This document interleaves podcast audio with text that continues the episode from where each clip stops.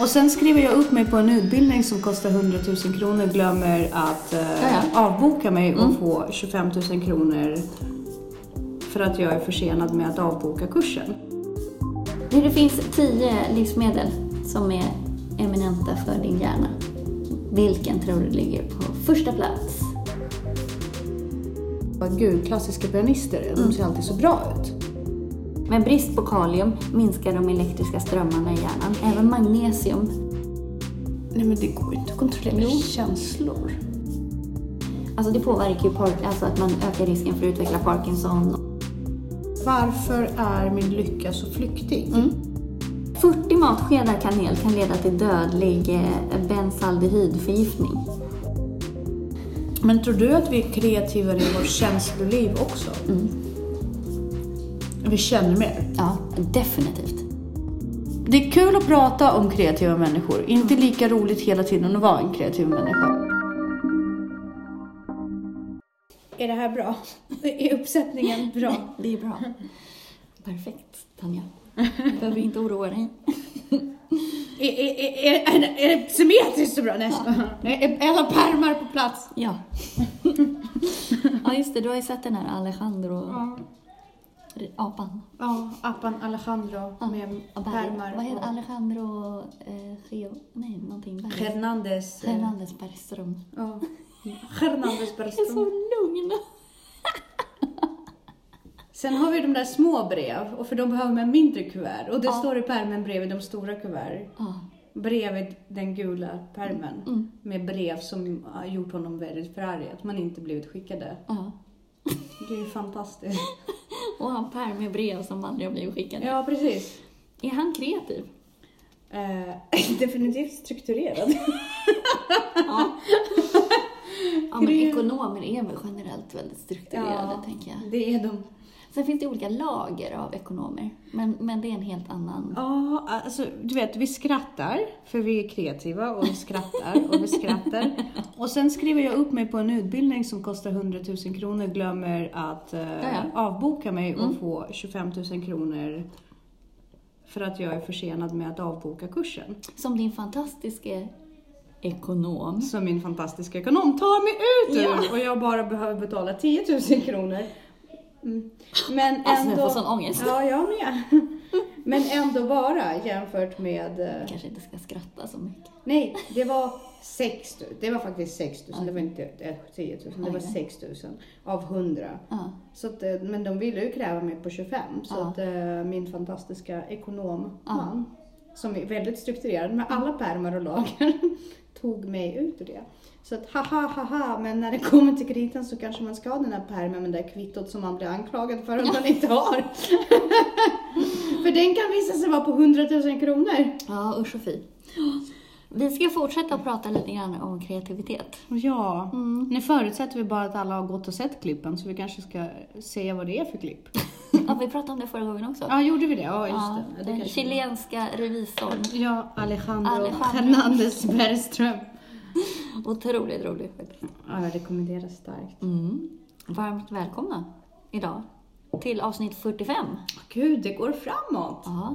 Det, det, det, ja, jättefort.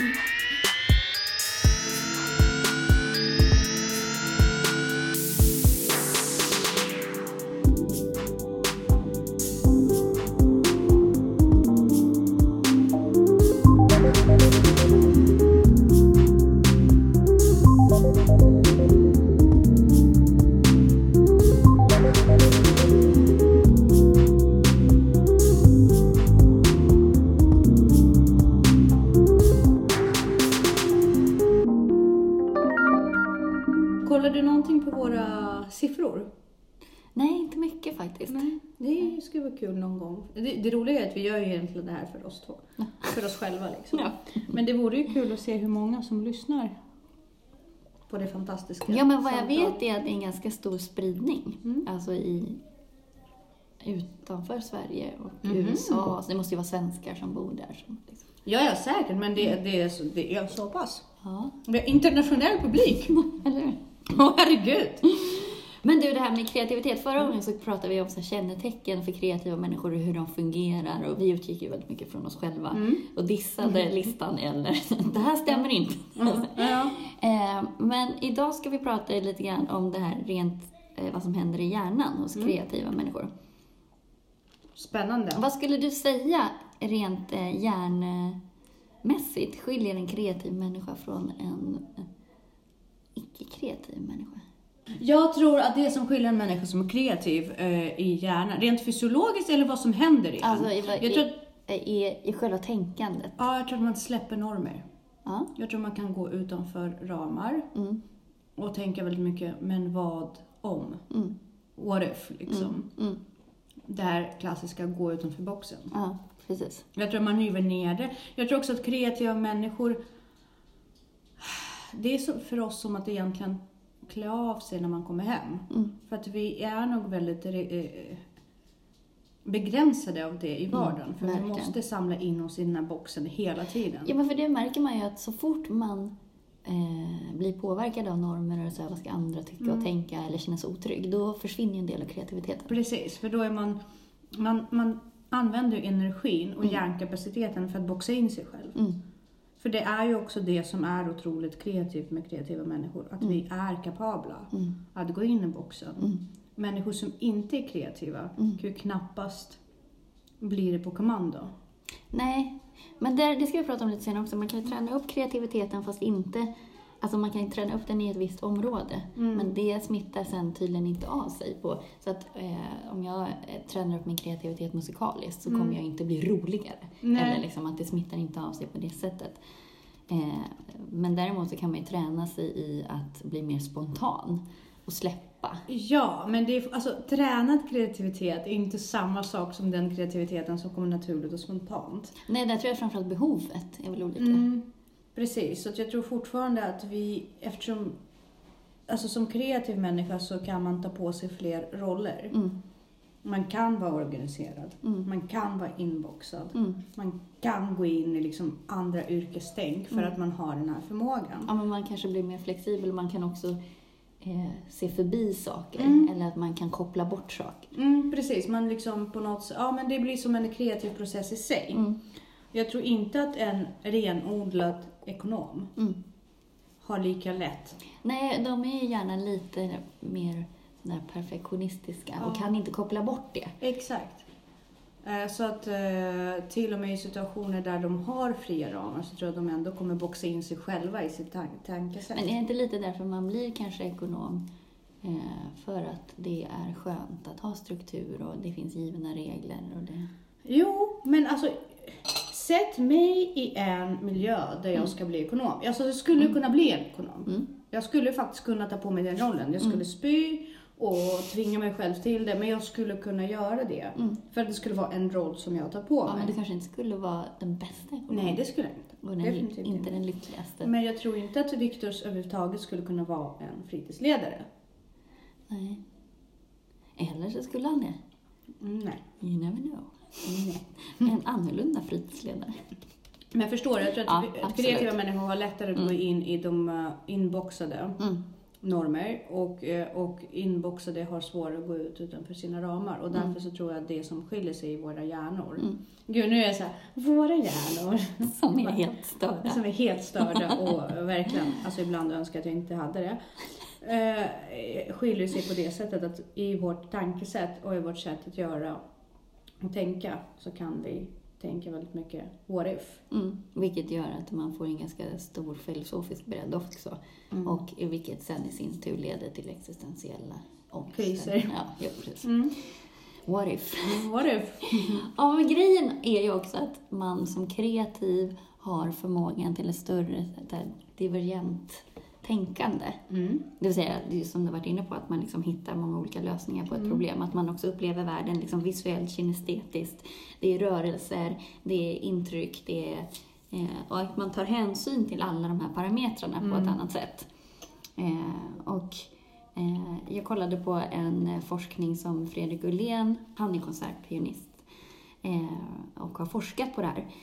Och att en förutsättning för att vara kreativ är dels det här divergenta Mm. tänkandet, men också att du behärskar det området som du ska vara kreativ inom. Ja. För att om du, som till exempel som vi har pratat om det här med de här middagsbjudningarna, om det kommer ett samtalsämne som, som man inte har några referensramar inom eller, liksom, eller väldigt basalt som inte Mm. passar in på den nivån som diskussion ligger, då är man ju inte så kreativ. Eller då är man ju liksom inte, kommer man inte på så mycket.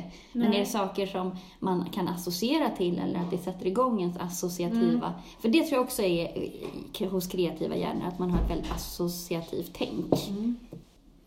Men jag tänker också så här, för att kunna vara kreativ i till exempel köket, då måste du kunna laga lite mat. Mm. Eller, eller det är klart, du kan ju röra ihop vad fasen som helst. Men alltså för att få ett bra resultat. Det är skillnad på att leka Mm. och att faktiskt vara kreativ och skapa någonting nytt. ja, men absolut. Men- Benägen att hålla med dig om. Alltså, eller forskningen. Därför att jag är ju en, jag, jag anser mig själv vara en kreativ person. Mm. Jag kan ju inte ett skvatt om att laga mat. Jag tycker inte ens att det är kul. Nej. Jag tycker det är jobbigt. Mm. och påfrestande och allt vad det är. Sen om jag liksom får för mig att ha ett mål Mm. Och ska göra Thanksgiving-middag, Mm. för liksom, då går jag in i varenda lilla Ja. detalj och bara ho, ho, ho, ho. Mm. Men då har jag ett mål med det. Det är inte Mm. själva matlagningen utan Nej, det är liksom en del av annat, projektet. Liksom. Det är en del av liksom, Whiskyfield of Thanksgiving. Ja.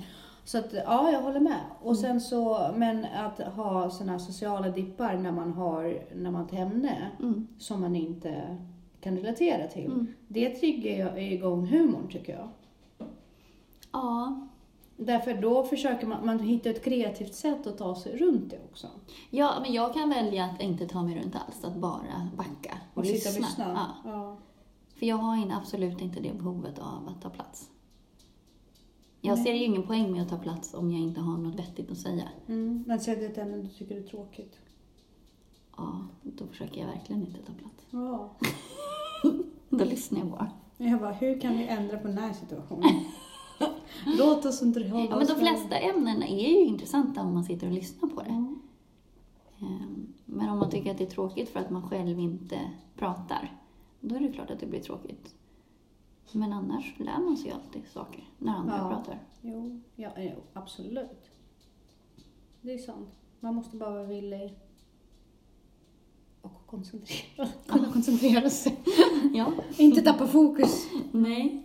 Men det är jättespännande för att man har kollat på de här jazzpianisterna Mm. och de utvecklade sin, eh, liksom det området i hjärnan som, som är kreativt, eller vad man ska säga, eh, utvecklade de mer än vanliga pianister. Mm. Så att eh, Mm. de tränade ju på någon form av kreativitet och eh, ja, improvisation och sådär.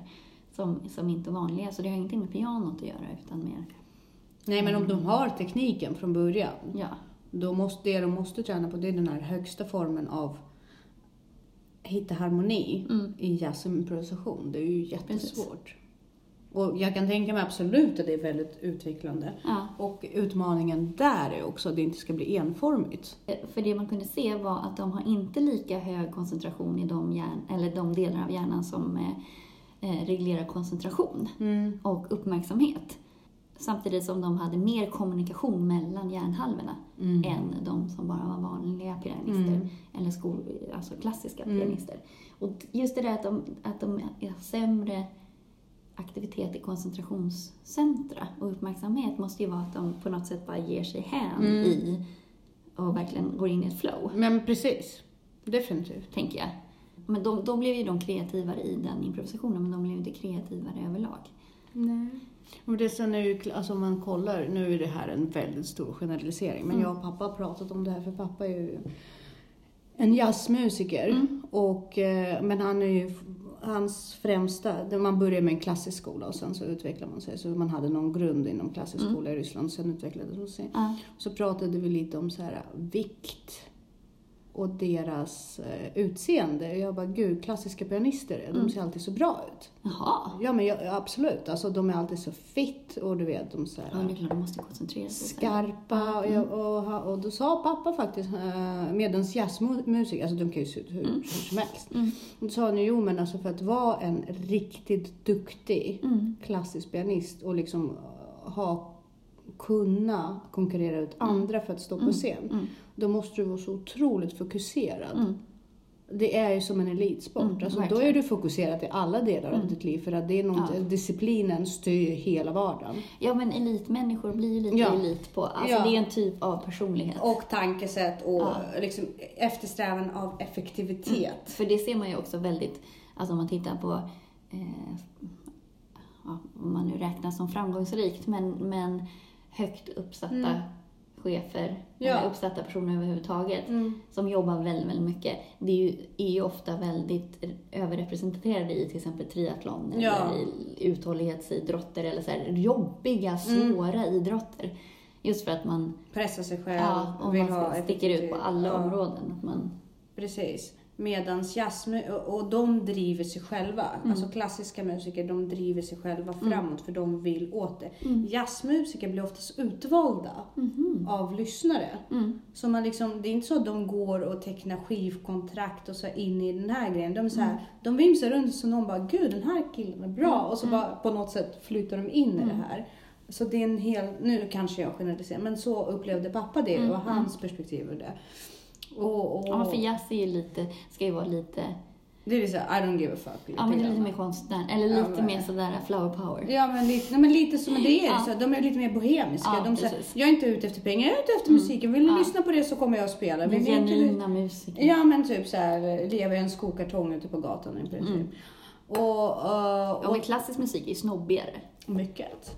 Mycket. Och det kräver väldigt mycket också. Det kräver att man ska kunna gå på rep Mm. och bla bla bla. Liksom. Och, men här är det verkligen så här, antingen har jag flow, du spelar och sen så har inte jag flow Mm. så spelar jag inte. Och jag spelar, det spelar ingen roll hur mycket du betalar mig för en spelning. Om jag inte känner det Mm. så kommer inte jag göra det. Vilket Nej. gör dem också så väldigt intressanta. Ja, Och är liksom eftertraktade fast på ett helt annat ja sätt. precis. Men det är två helt, fastän det behövs ofta Ja. lika hög grad av skicklighet. Mm, Så en väldigt annorlunda, verkligen. mer så här Ja. prestanda, eh, korrekt ut, liksom, Ja. leverering av. Jag går ju igång alltså. väldigt mycket på det här liksom högambitiösa, Mm. organiserade. Bara, Mm. Jag tycker det är coolt. Det tycker jag också. Och det har blivit så med ålder. Jag har alltid dragits till mer så här La La Land. Mm. Nej men alltså till, mer till personer som är lite mer bohemiska. Mm. Men eh, Jag ska inte vara med personer som är bohemiska. Jag ska vara med väldigt högambitiösa, eh, strukturerade människor. mm. Då blir jag som bäst. Ja, för- men med tiden har jag lärt mig att det är tryggare så. Nej men det är faktiskt sant. Alltså, det är väldigt svårt som barn att eh, liksom klara av det här. Tre veckor innan sommarlovet ska vi åka på semester. Vi vet inte ens om det blir något. Det kanske blir något. Mm.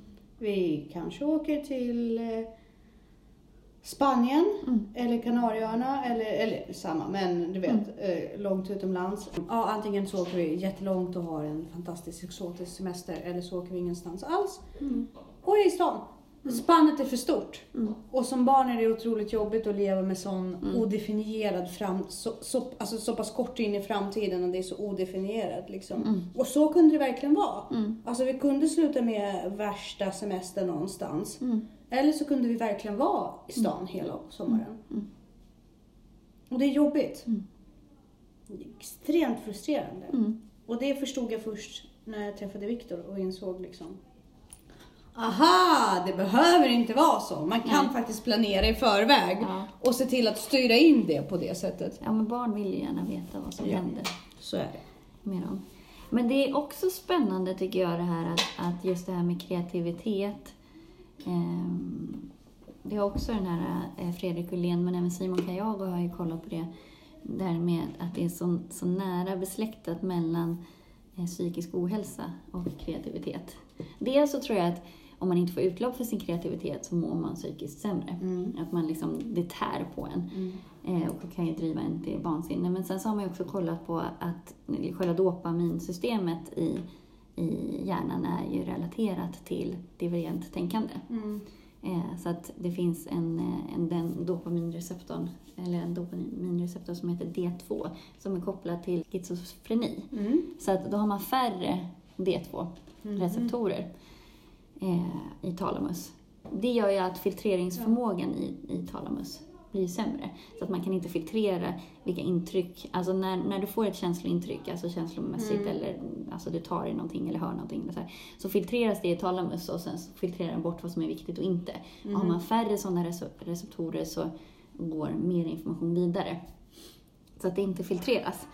Eh, och det här extra höga inform- informationsflödet hos friska högkreativa individer bidrar eh, till att man då kan se de här sambanden Mhm. som andra inte ser. Medan personer med schizofreni har också de här få Mm. antalen. Så att det är kopplat dels till kreativitet och till schizofreni. Eh, och det är ju den här filmen Beautiful Mind, har du sett den? Mm. Ja, Ja, det är verkligen typiskt. Eller liksom, Schizofren. ja, precis. Eh, galent geni säger jag bara. Ja, men faktiskt, det är ju det som Simon Kyaga och de, hans eh, forskarteam har tittat på. Mm. Att just det här att man har tittat också på schizofrena personer. Då kan man se att de närmsta släktingarna är ofta väldigt kreativa och Mm. framgångsrika kreativa. Och likadant om du tar en väldigt kreativ person så har den, eller ja, det ska jag inte så, men, men man kan se att frekvensen av schizofreni Mm. är högre Mm. eh, i väldigt kreativa släkt, släkten. Så att schizofreni, då har det liksom tippat över. Likadant depression också, Mm. psykisk ohälsa. Att du kan, det, där är det då folk i den här kreativa eh, släktet, eller vad man ska säga, som inte har fått utlopp för sin Mm. kreativitet, inte kunnat, kanske saknar motor, kanske saknar Mm. de drivkrafter som behövs för att kunna förverkliga det. Eh, och då blivit psykiskt instabila istället. Är inte det ganska intressant hur naturen Mm. väljer att bromsa kreativitet istället för att tvärtom på något sätt försöka få den framåt? Alltså, Men är det inte väldigt riskbenäget, tänker jag, att vara väldigt kreativ? Ja men tydligen.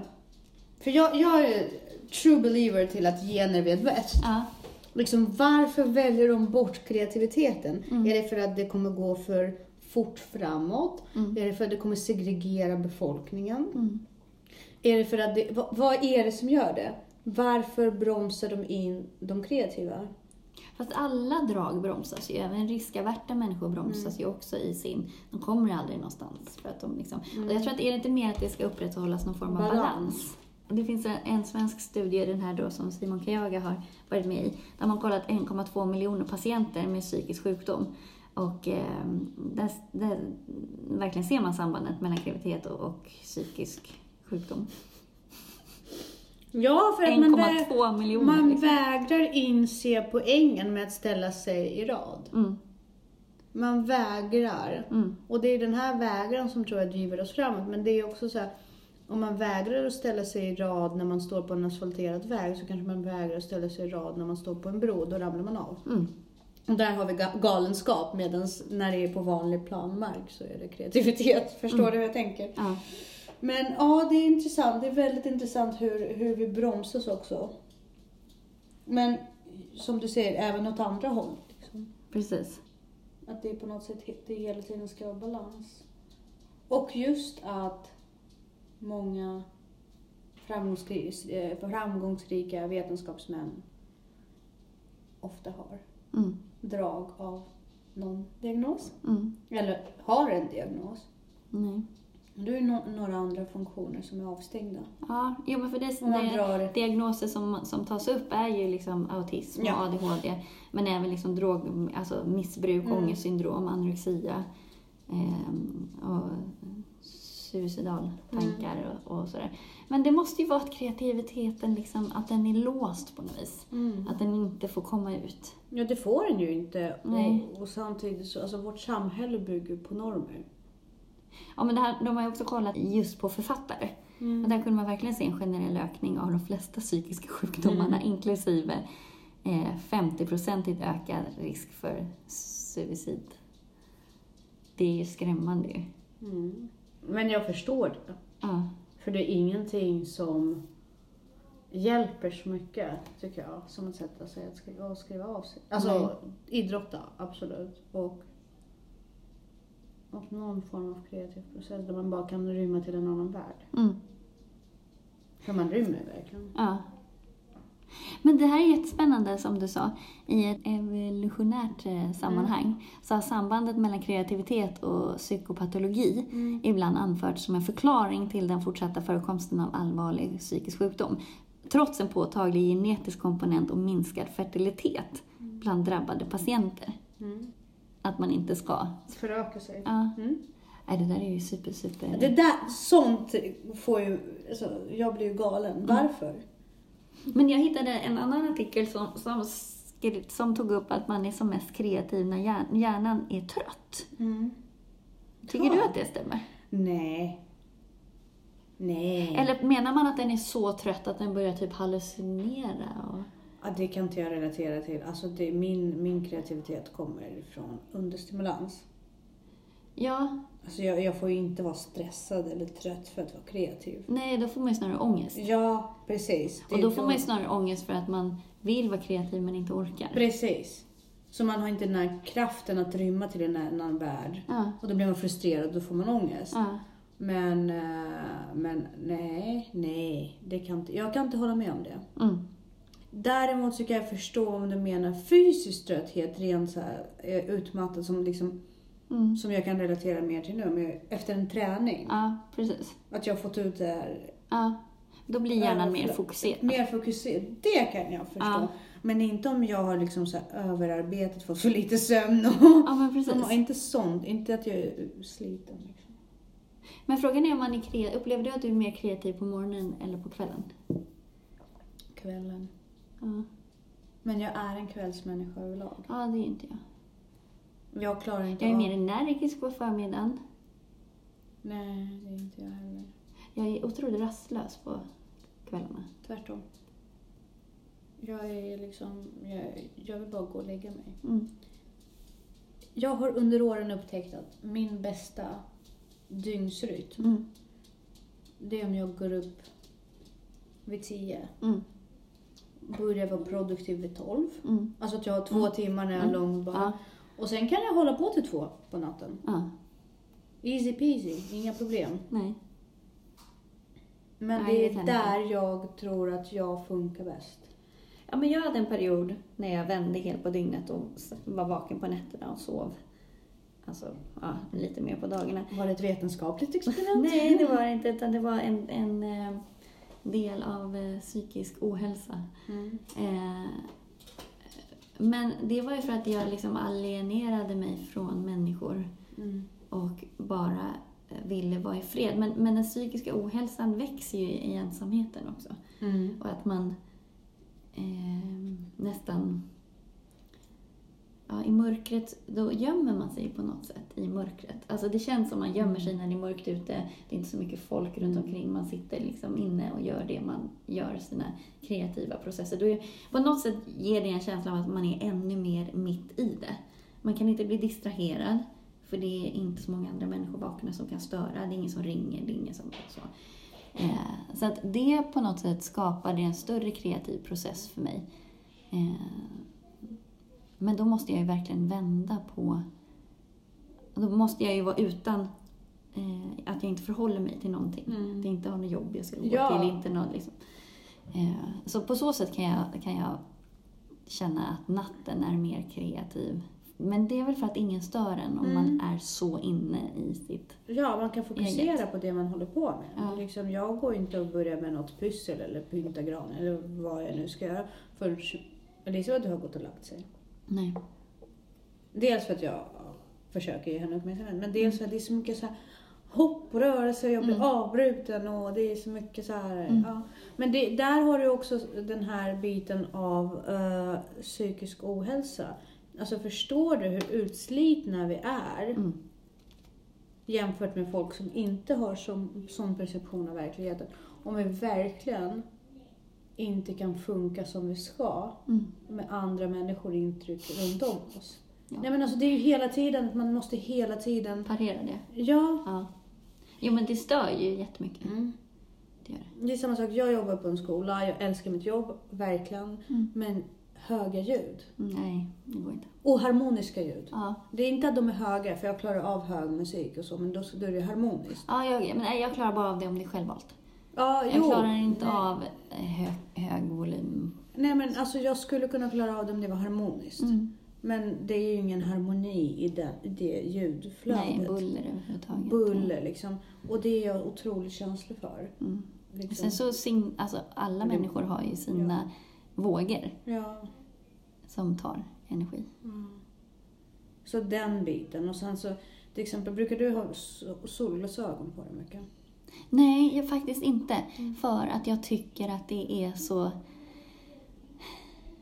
Det är så otrevligt att prata med folk när man har solglasögon på. Jag glömmer ofta att ta bort dem. Mm. Eh, så att, eh, eh, nej, jag brukar inte ha... Men däremot så är det ju väldigt skönt. Mm. För man avskärmar ju Mm. väldigt mycket. Solglasögon, earbuds, Mm. gärna en stor hatt. Då tycker jag det är liksom så bekvämt att gå ut bland stora folkmassor. Mm. Alltså jag har inga problem med uppmärksamhet. nej. Men om jag ska liksom inte bli utsliten och Mm. trött. Ja, då måste du ju skärma av dig. Ja. Så att då har du ju verkligen... Eller bara skydda folk från sina tankar. ja. Beware, psycho's coming. Mm, eller hur? Nej men ja. Men just också det här, det finns ju mat som man kan äta för att få hjärnan att optimera sig. Do tell. Nej, men, men hjärnan förbrukar... Vet du hur mycket av din basala energi som hjärnan förbrukar? Kalorimässigt? Nej, procent. Nej, ingen aning. 20 procent. Det är ändå väldigt mycket. Ja, och hjärnan funkar ju bara på glukos. Ja. Däremot så kan man ju tillverka glukos av fett och protein Mm. också, så att du, du behöver ju inte sitta och mula i dig socker. Men, Nej, vad Eh. men den kräver 8-10 gånger mer glukos och syre än alla andra organ. Syre också. Ja, jättemycket. Men det är, alltså, om det inte funnits syre till hjärnan så... Det är sant. Det är inte så långt. Så att om du, om du vill att hjärnan ska arbeta effektivt med inlärning och sådär, så måste man se till att man dels syresätter den, det gör det ju med träning och Mm. så. Men även att man äter rätt saker. Och det var ju som det här vi pratade om lecitinet, Ja. att 30% av hjärnan består av lecitin. Eh, Så det är väldigt mycket fettsyror och, och därför bör man få i sig fisk och nötter och olja och omega-3-olja och sånt där. Mm. Det är jättebra för hjärnan. Avokado. Ja, men precis. Eh, för det ger, det ger eh, mat åt hjärnans stödceller. Och eh, de förser nervcellerna med näring så att de kan producera myelin så att signalerna går snabbare. Och synaps, att man får fler synapser och vägar för signalerna att gå. Vi var ju lite inne på det här förra gången också. Så att ju bättre isolering, desto snabbare går ju eh, informationen. Och det var det här vi pratade om, att det så knastrade i Ja, min hjärna. eh, precis. Men sen så även så här glukos eller socker då, och eh, kalk och kalium behöver man. Eh, det finns 100 miljarder nervceller. 100 miljoner. Ja, och en miljon typ kalkpumpar som överför alla meddelanden i hjärnan. Så kalk och kalium förser pumparna med energi. Kalk finns i och för sig i väldigt mycket mat. Men brist på kalium minskar de elektriska strömmarna i hjärnan. Även magnesium Mm. Behöver man ju för de här Ja. elektriska strömmarna. Och det är den vi får från choklad. Och Bland annat. bananer. Ja. Har jag valt nu. ja. Ehm, Men man, om man minskar kaliumintaget så ser man, har man sett att risken för att utveckla anorexia ökar.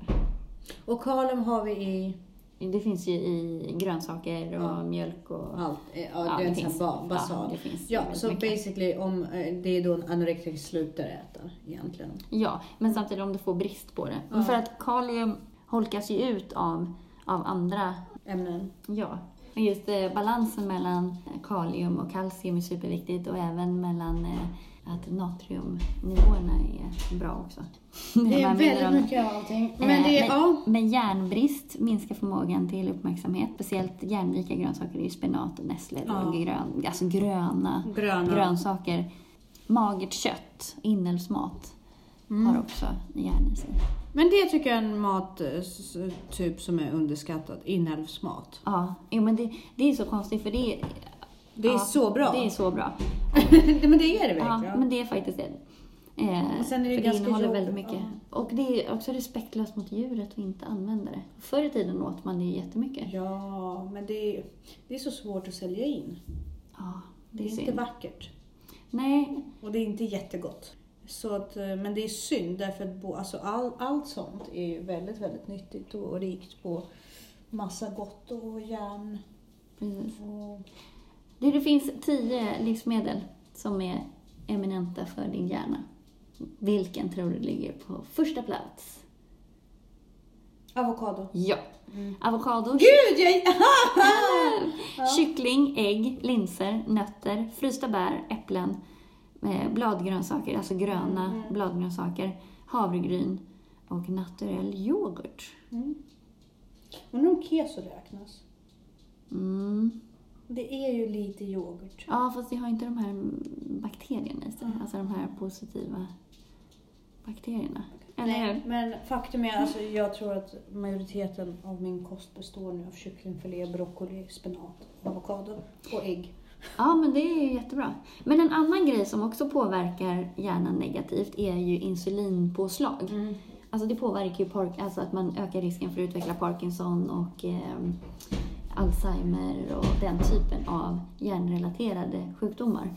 Och det finns ju, just så här till jul också, så är ju kanel väldigt intressant. För kanel sänker ju insulinpåslaget. Eh, så att- Skål med chai-te. Skål! eh, och det tycker jag är superspännande. Indiska örter Mm. överlag Ja. är ju väldigt så antiinflammatoriska. ja, för det är ju kanel också. Mm. är ju antiinflammatoriskt. Liksom bara balanserar ut. Ja. Anis, Starka kryddor. ja. nejlika, Ja, kanel, precis. liksom allt. Det där goda. Eh, men kanel är också väldigt bra. Just att det är mycket antioxidanter i det.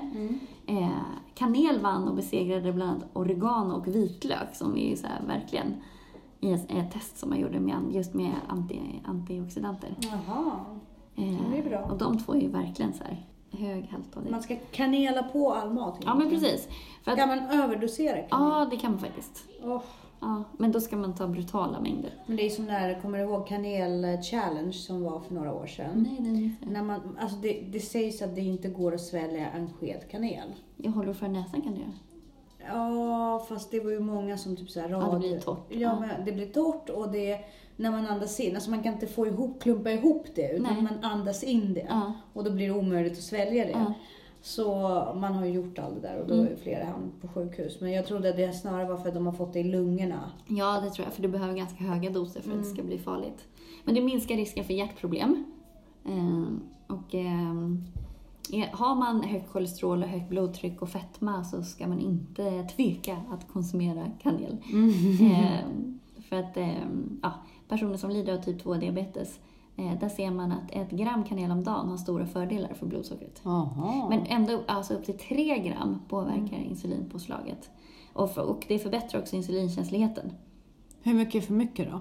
Jag bara, bara Ja, undrar, för det jag har jag ju... Jag har en sån där missbrukarpersonlighet. Om Mm. jag får en vana då Ja. vill jag gärna missbruka det. Som nu med te. Mm. Jag dricker ju gärna liksom så här fyra liter te. Ja, men det är ju också. Är det missbruk? Jag vet, men det är inte normalt Jessica. inte? Men alltså. Jag tänker så här, allting som ifrån att inte ha druckit, eller kanske druckit en kopp te per dag Mm. till att dricka fyra liter, är- jag vet det, alltså, det verkar inte sunt. Finns ju värre saker. Ja, ja, det är klart man kan ju liksom knarka, men jag bara säger att det är en del av personligheten. Och att man över... Ja, men det som gör också att, att kanel sänker blodsockret eller att det inte blir så stora insulinpåslag Mm. är att kanel funkar lite som insulin. Att det transporterar sockret ut i cellen. Mhm. Det är lite coolt Det är verkligen coolt. faktiskt. Ehm, Det och- betyder att egentligen det kan funka pro, pro, vad heter, preventivt också. Ja, men precis. Precis. Sen så är också kanel, alla de här julkryddorna, alltså kanel, kardemumma och så, det är ju bra för magen. Det är därför man säger att man blir snäll av att äta pepparkakor. Jaha. För att man, då har man inte så ont i magen och då är man snällare. Jaha, jag tänkte det måste vara sockret och så har den har ju liksom amfetaminliknande Ja. effekter och så är man bara snällare för att man har sockerkoma.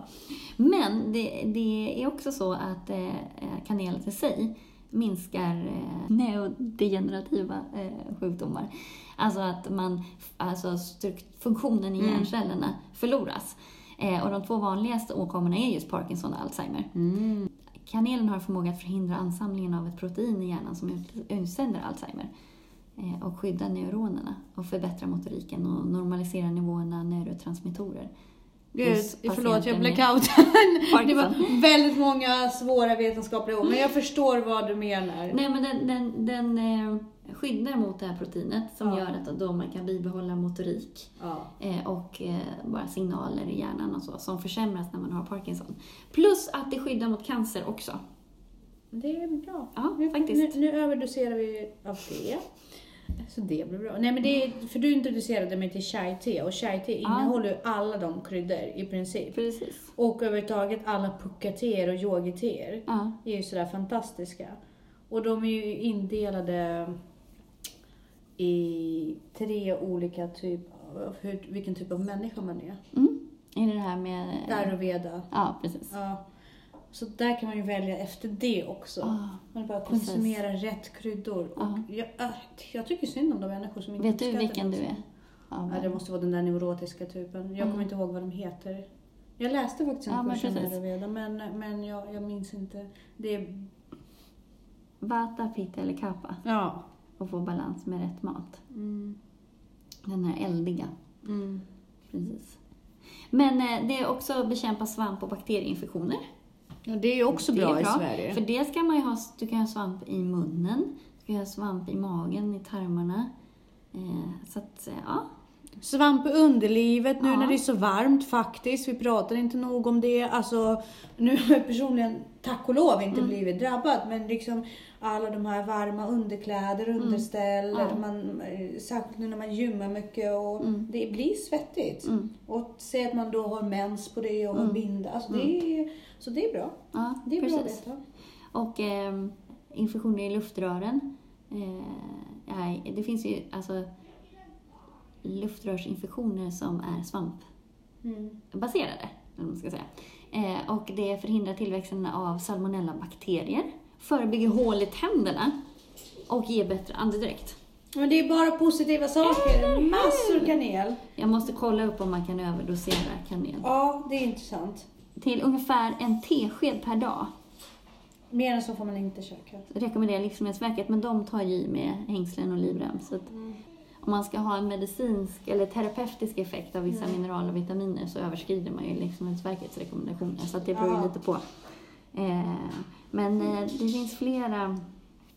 Fast det, det, det är väldigt mycket kanel i en tesked. Ja. Alltså det tror inte att jag får i med all kärlek. Här ser jag, 40 matskedar kanel kan leda till dödlig eh, bensaldehydförgiftning. Ja, men det. Och 215 morötter innan du dör. okej. 250 morötter. 215. Men då, då äter då, handlar det inte liksom... Och här står jättemycket så här. De här doserna kan leda till döden. 40 matskedar kanel, 13 tuber tandkräm, 6,5 liter vatten, 40 milligram skal från ruttna potatisar, eh, 404 paket tuggummi, 10 kilo blåmögelost eller 17,5 kilo morötter. Men det handlar ju liksom om mängden mat man har konsumerat, inte vad man har konsumerat. Jag tror, 17,5 jag tror att man äter 17,5 kilo potatis så dör man också. Så att om du funderar på att... Eh, du, Över rutten potatis. nej, om du funderar på att du inte tycker att det är så kul att vara här längre, så att, eh, då skulle jag rekommendera 13 tuber tandkräm. Ja, skal från ruttna potatisar, det är bara 40 milligram. Det är inte mycket. Ja, 40 milligram. ja det var inte mycket. Nej, det var inte mycket. Mm. Men 13, inte, inte 7 tuber tandkräm, det går bra. Ja, ja, sju går bra. 7 går bra. 13. 13, då är vi inne på Det är inte okej. helt andra stigar. Ja. Men eh, du ser, bara den diskussionen visar ju oss som väldigt kreativa människor. Vi kan ta allt till andra nivåer, vilket är helt fantastiskt.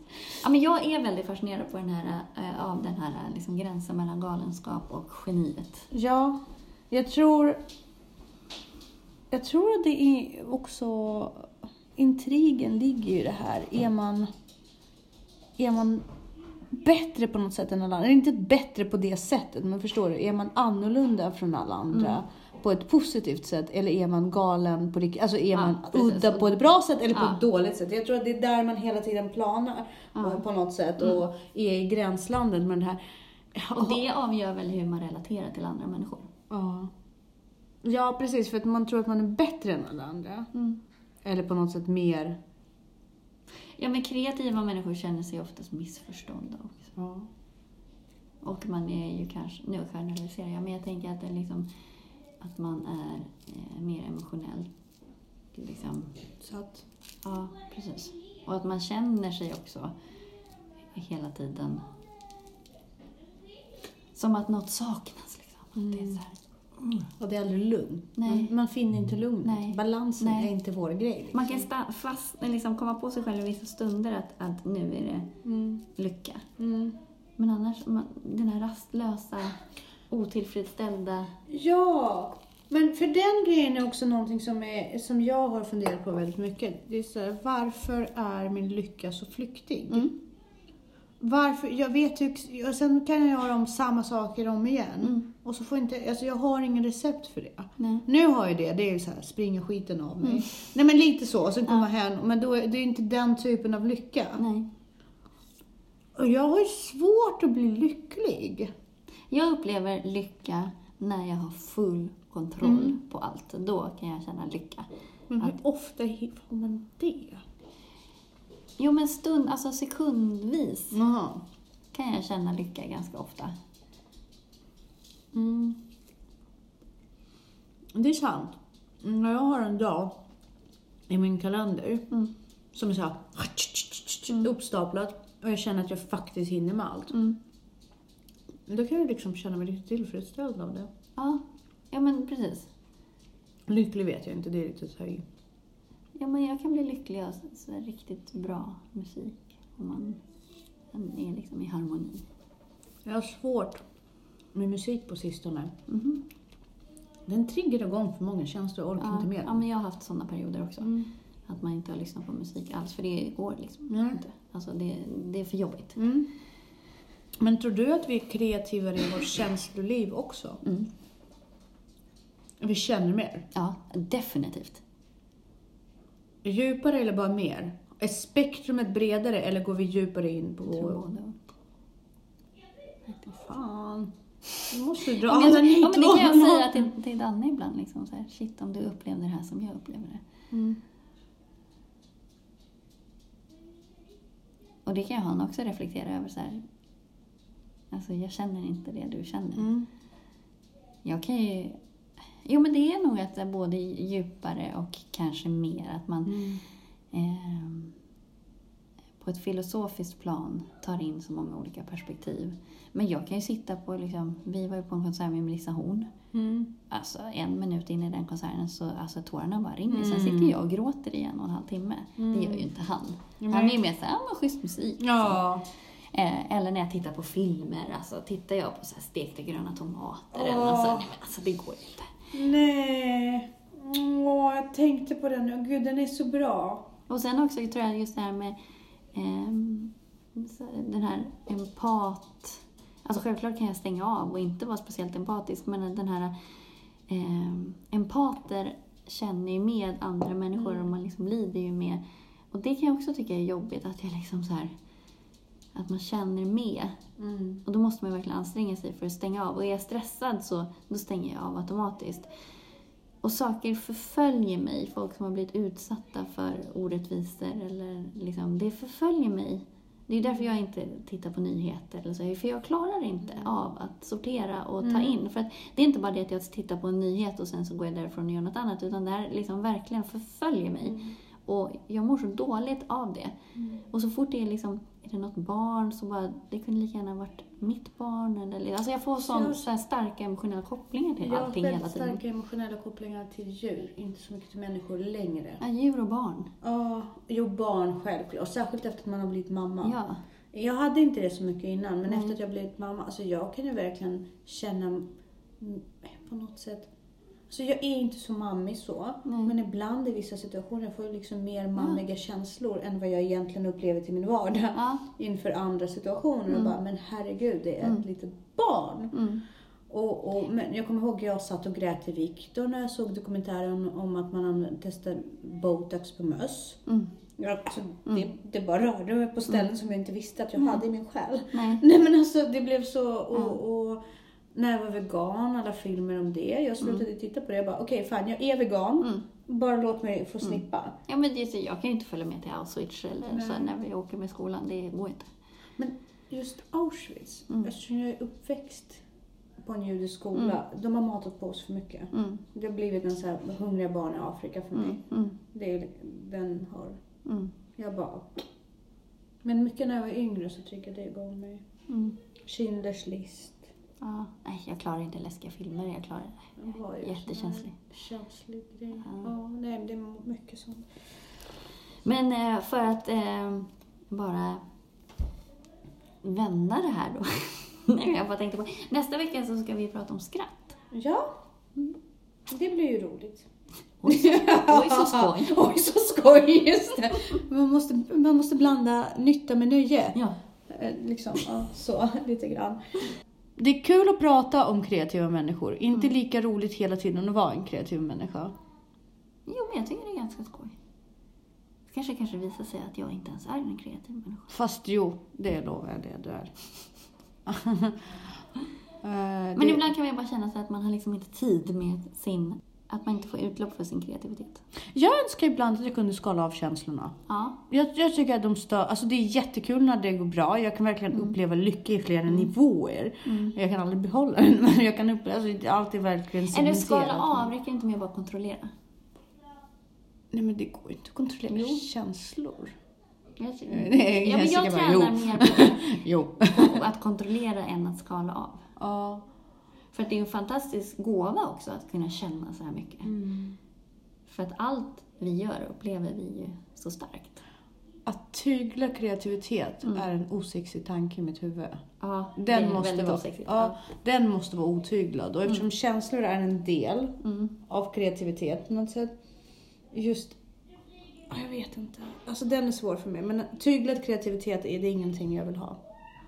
Nej, men jag föredrar att bara rationalisera och kontrollera känslan än att skala av den. Mm. Alltså, för att rationalisera du den så kan du ju kontrollera, då vet du ju vad den beror på och vad du ska göra åt det och sådär. Men Då du har behöver kontroll. man inte känna mindre utan du bara ökar förståelsen för, För den och då varför. är den inte så förvirrande Och då har man jobbig. inte ångest över den för att Nej, då precis. skapar den ingen identifierad Nej, ångest. precis. Så att det, Sant. Tror jag Du är lär viktigt. mig saker hela tiden. Jag blir så fascinerad över hur mycket, hur mycket jag får ut av våra poddar. Nej, men detsamma. min egen skull.